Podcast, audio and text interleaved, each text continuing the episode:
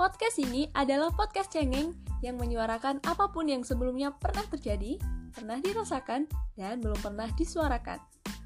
Mari berbagi tangis bareng gue, Dia Astika Dewi, di podcast Dialog Analog.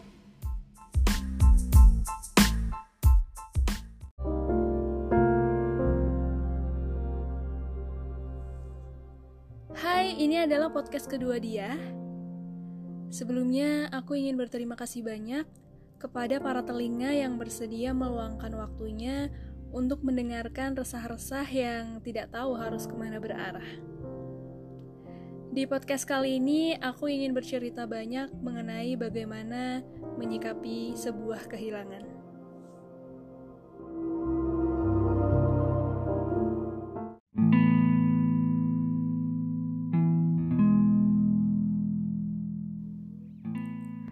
Menurutku, puncak sedih paling tinggi justru ada pada tawa.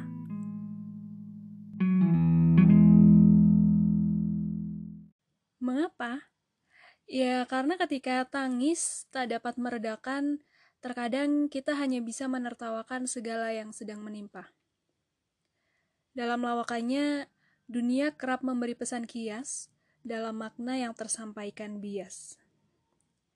Seringkali kita perlu menguraikan satu demi satu peristiwa untuk memaknai pesan siratnya. Ibuku pernah bilang bahwa yang terjadi hari ini bisa sangat berbanding terbalik di hari yang lain. Ibu juga tidak segan menganalogikan dengan sebuah peristiwa kehilangan. Misalnya, kamu kehilangan sesuatu hari ini sesuatu nyata yang kamu gadang-gadang akan selalu ada di masa depan, dan sesuatu itu yang teramat kamu takutkan hilang. Kehilanganmu hari ini adalah pesan kias untuk memberikanmu pelajaran besar tentang ada dan tiadanya sesuatu yang kau kira milikmu, padahal belum tentu. Bisa saja, semesta hanya meminjamimu sementara waktu dan barangkali saat masa kehilangan itu datang, ia yang hilang sudah saatnya kau kembalikan pada yang sebenar-benar pemiliknya.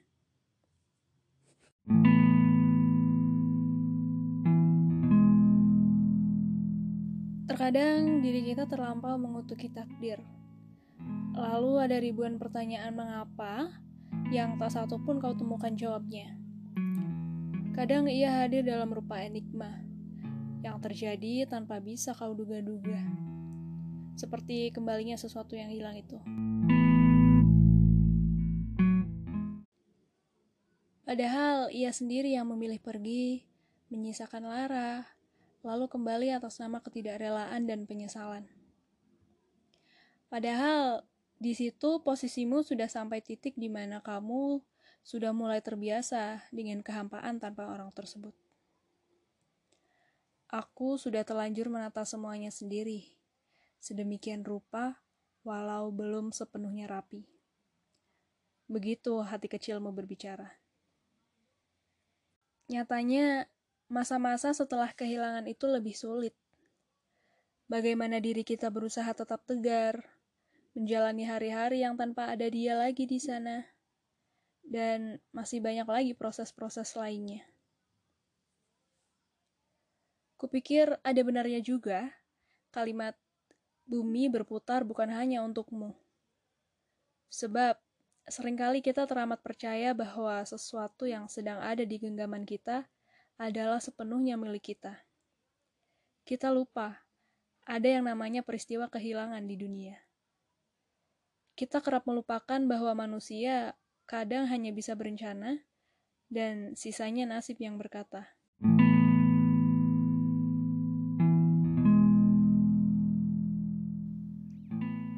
Kemudian, setelah kehilangan, akan muncul adanya kata lupa, rela, dan ikhlas. Ketiganya tidak serta-merta mudah dilalui. Harus ada sebuah penerimaan besar-besaran yang dalam sistem kerjanya ada beberapa tahapan yang akan terjadi. Puncaknya ada pada kata ikhlas. Ikhlas barangkali berarti bahwa kamu sudah benar-benar berdamai dengan segala yang usai menimpamu.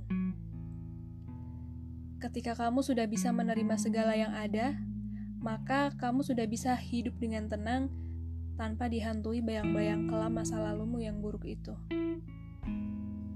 Memang begitu. Kan hidup memang harus terus berjalan apa pun yang terjadi.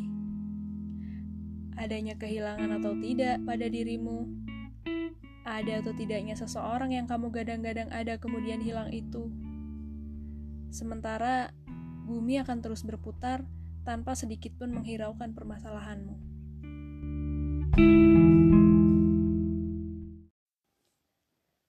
Oleh sebab itu, kamu harus lekas berdamai dengan dirimu, utamanya dengan kehilangan-kehilanganmu.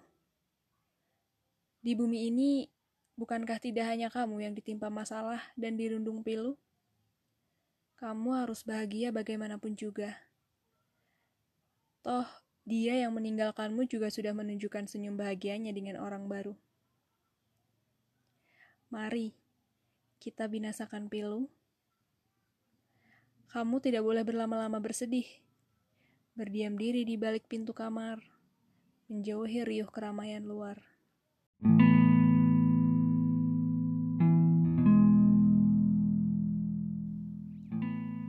Jika puncak sedih paling tinggi adalah tawa, Cobalah untuk jangan bersedih lagi, agar hanya tawa yang benar-benar tawa yang tersisa. Sekali lagi, kamu harus bahagia bagaimanapun juga.